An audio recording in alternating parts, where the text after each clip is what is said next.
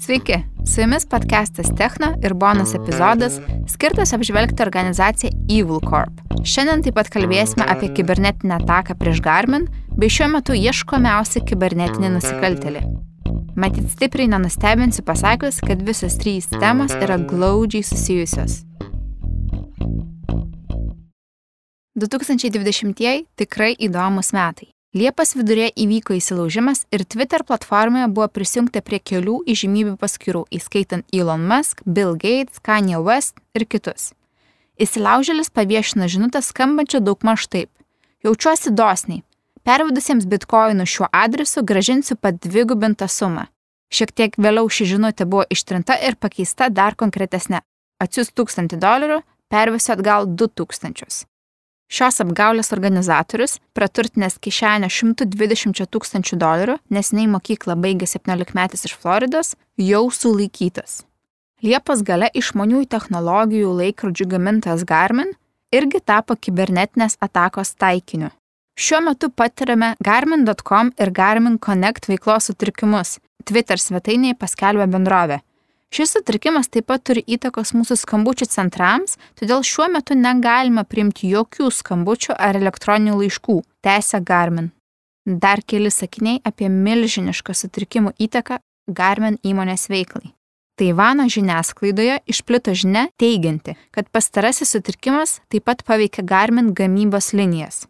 Garmin taip pat teikia GPS navigacijos paslaugas. Tiek Fly Garmin, tiek Garmin Pilot aplikacijas buvo nepasiekiamas. Tai sukėlė nesklandumį Garmin įrangoje, o ši įranga naudojama lėktuvuose, įskaitant skrydžio planavimo mechanizmus. Iš pradžių informacijos nebuvo labai daug, bet keli Garmin darbuotojai prasitarė, kad sutrikimai susiję su išpirkos reikalaujančia kenkėjiška programa Wasted Locker. Ši programa pasirodė gana neseniai - 2020 m. gegužę. Kas sukūrė Wasted Locker? Evil Corp. Išsameu apie ją pakalbėsime šiek tiek vėliau. Kaip veikia Wasted Locker programa? Detalesnį programos aprašymą radau Malwarebytes svetainės tinklaraštyje. Programa užšifruoja failus iki tol, kol bus sumokėta išpirka. Taip pat užšifravus failus palikami du elektroninio pašto adresai kuriais skatinama susisiekti išpirkos klausimais. Atakos metu taikomasi į atsarginės kopijas, tad kai kurios organizacijos neturi kitos išeities, kaip kad susimokėti. Malwarebytes tinklaraštyje taip pat primenama, kad svarbu turėti atsarginės kopijas, backupus offline. Tačiau yra ir lašas medaus šioje deguto statinėje. Būtent šie programišiai, vadinantys save Evil Corp, atsisakius išmokėti išpirką, bent jau nepaviešina ir neparduoda pavoktų duomenų. Baigime kalbėti apie Garmin. Evil Corp iš Garmin pareikalavo 10 milijonų dolerių išpirkos. Garmin grinosios pajamos tiek 2017, tiek 2018 metais siekia apie 700 milijonų dolerių. Taigi išpirka sudarytų apie pusantro procento metinių pajamų. Ar brangu? Tikrai įperkama, turint omeny, kokios kritinės Garmin funkcijas buvo pažeistas. Bet yra ir viena problema. Anot Business Insider, pirmoji kibernetinio saugumo kompanija, į kurią Garmin kreipėsi pagalbą sumokant išpirką, atsisakė šio darbo ir paminėjo galimas sankcijas. Sumokėję išpirką, Garmin gali pažeisti JAV įstatymus 2019 metais JAV išdo departamentas paskelbė sankcijas Evil Corp organizacijai. Sankcijas paskelbtas po to, kai Evil Corp pavagė virš 100 milijonų dolerių iš įvairių bankų ir organizacijų. Taigi Garmin pažeistų įstatymus sumokė išpirką, kurias reikalauja Evil Corp.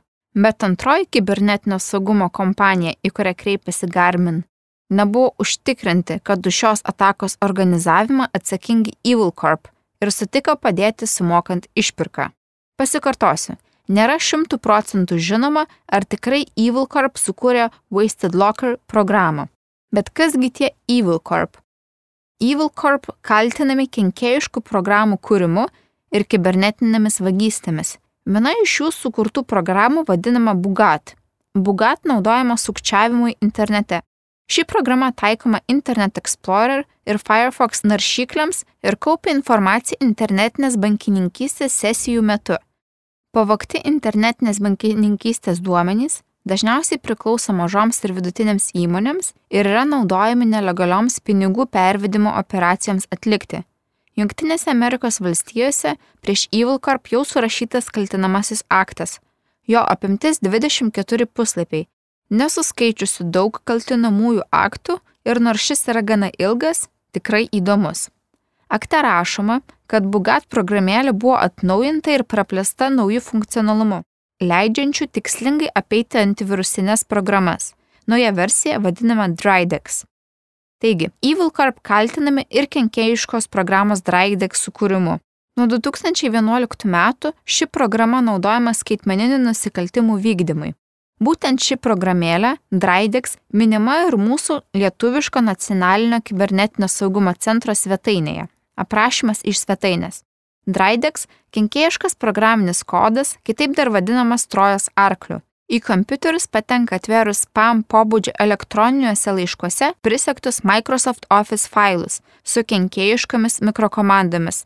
Drydex užkrėstama kompiuteryje ieško saugomų finansinių duomenų, tokių kaip kreditinių kortelių numeriai, prisijungimą prie internetinės bankininkystės duomenys ir pasinaudodamas jais atlieka nelegalius piniginius pervedimus.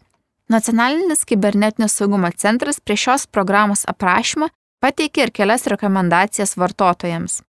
Nesaugoti slaptažodžių naršyklės atmintyje, įdėkti naujausias operacinės sistemas ir naudojimo programų atnaujinimus, netidarinėti įtartinų ar neiškių priedų gautus elektroniniais laiškais. Taigi, Evil Corp kuria kenkėjiškas programas, kurių dėka neteisėtai pasisavina dešimtis milijonų JAV dolerių. Turint omenyje veiklos tipą, Evil Corp pavadinimas skambantis žodis Evil labai tinkamas. O kodėl jie pasivadino Evil Corp? Pavadinimas skambantis Corp, žodžio korporacija trumpinys, irgi ne iš piršto lauštas. Evil Corp turi bendrininkų kažkur apie dešimtyje pasaulio šalių. Dauguma jų naudojami pinigų pervedimui iš nulaužtų banko sąskaitų į pinigų mūlų bankų sąskaitas. Aš asmeniškai kaltinamąją aktę paminėtą terminą pinigų mulas išgirdau pirmą kartą. Kas tai? Pinigų mulas žmogus, kuris į savo banko sąskaitą gauna pinigus iš vienų asmenų, o šiuos pinigus perveda kitiems asmenims arba išgrynina ir perduoda nusikaltėliams. Dažnu atveju pinigų mulai užteikiamas paslaugas gauna tam tikrą užmokestį. Vienas Evil Corp pinigų mulas su keliais padėjėjais veiklą vykdė Baltarusijoje. Ten jie ir buvo sulaikyti bei nuteisti. Šaunuoliai Baltarusiai. Evil Corp diversifikuoja pajamų šaltinius. Jie taip pat užsima franšizės verslu. Mhm. Remiantis teismo duomenimis, Jakubėts, Evil Corp įkūrėjas, Junktinės karalystės gyventojai suteikė prieigą prie Bugat kenkėjiškos programos kodą už 100 tūkstančių dolerių avansą. Evil Corp taip pat papildomai turi gauti apie 50 procentų visų pajamų gautų naudojant jų programą. Esant nesėkmingai savaitai, franšizės pirkėjas turėjo mokėti minimalų 50 tūkstančių JAV dolerių per savaitę mokestį.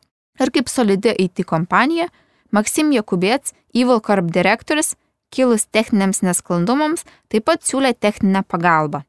Organizacijos pavadinimas Evil Corp labai tinkamas. Pasak JAV pareigūnų, Evil Corp atakos pagrinde buvo nukreiptas prieš Amerikos ir Didžiosios Britanijos kompanijas. Tačiau taip pat teigiama, kad kompanijos Prancūzijoje, Italijoje, Junktinėse Arabų Emiratuose, Indijoje, Malazijoje irgi finansiškai stipriai nukentėjo įmonių verslų nuostoliai arba kitaip Evil Corp pajamos 2019 m. pabaigoje siekia apie 100 milijonų JAV dolerių. Ir mes net nekalbame apie pajamas gautas atakos prieš Garmin metu.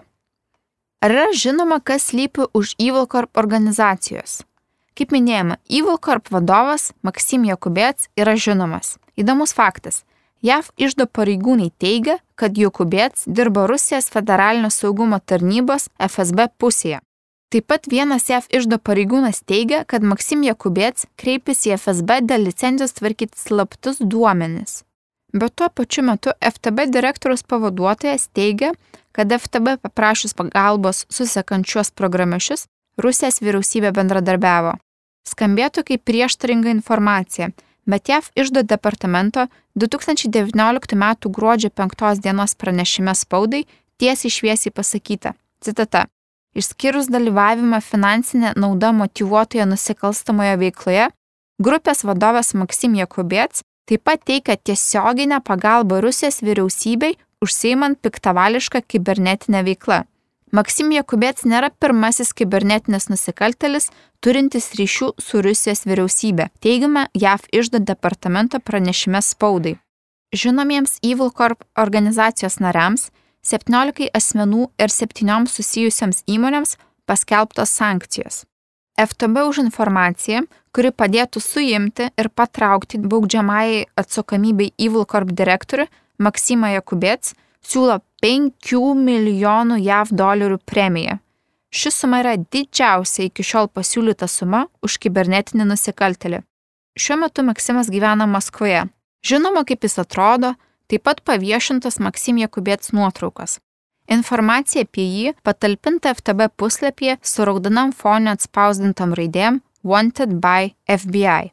Berots pastarasis net vengia atostogauti už Rusijos ribų, o Rusija nesunkiai susigalvoja pramogų. Keli Evil Corp organizacijos nariai, įskaitant ir patį Maksimą, nusipirko po ekstravagantišką sportinę mašiną Lamborghini Hurricane. Visų mašinų numeriai eina iš eilės 216, 217 ir užsibaigia sėkmės simboliu - trimis septynetais. Beje, automobilių numerių raidė sudaro žodį VOR, kuris išvertus iš rusų kalbos reiškia vagis. Atrodo, nors FTB ir ieško Maksimo, jis Rusijoje jaučiasi gana saugiai. Norėčiau pasidalinti labai įdomiom detalėm, bet prieš tai trumpas pasisakymas apie šaltinius. Iki šio momento pateikta informacija iš patikimų šaltinių - BBC, Business Insider, Wired ir įvairių JAV departamentų publikuotų duomenų, FTB ir taip toliau. Ši trumpa dalis bus paimta iš svetainės meduza.io. Iki šiol nežinojau šio naujienų portalo bet naujienų portalo įkūrėja Galina Timčenko Forbes paklausus, kodėl naujienų portalas pagrindė pateikiantis informaciją rusų kalba yra įsteigtas Latvijoje, o ne Rusijoje, atsakė, šiuo metu Latvijoje galima įsteigti nepriklausomą rusų kalbos leidyklą, o Rusijoje ne. Tai sukėlė daugiau pasitikėjimo šią svetainę. Grįžtant prie Evil Corp. Anot Meduza naujienų portalo, Maksim Jakubėts įgyjo įtakingų ir giminystės ryšių. Jis tapo aukšto rango buvusio Rusijos federalinės saugumo tarnybos FSB pareigūno žentų. Tiek naujoji Maksim Jakubėt žmona, tiek jos tėvas yra susijęs su organizacija Vimpel. Vimpel yra vienas iš elitinių specialiųjų pajėgų padalinių, pagrindę žinomas dėl kovos su terorizmu operacijų, o sovietmečiu dėl užsienio sabotažo operacijų. Ar tikimybė, kad Maksim Jakubėts bus laikytas, yra didelė? Nepanašu. Jam iki šiol sekėsi, o ir įtakingos pažintis pravers. Bet jie ieško FTB. Ir buvęs JAV Baltųjų rūmų patarėjas krašto saugumo klausimais primena, 5 milijonų JAV dolerių premija tikrai nepakenks ir gali padėti išbandyti vagių garbę ir ištikimybę. Ačiū uždėmesi ir iki kito susitikimo.